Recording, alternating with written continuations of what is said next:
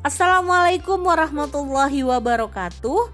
Perkenalkan nama saya Iza, biasa dipanggil dengan Mama Gema.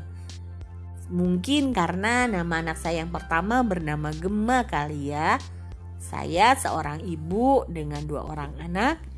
Yang pertama umur 12 tahun dan yang kedua baru umur 20 bulan. Sejak 4 tahun yang lalu saya memutuskan untuk tidak bekerja di kantor lagi.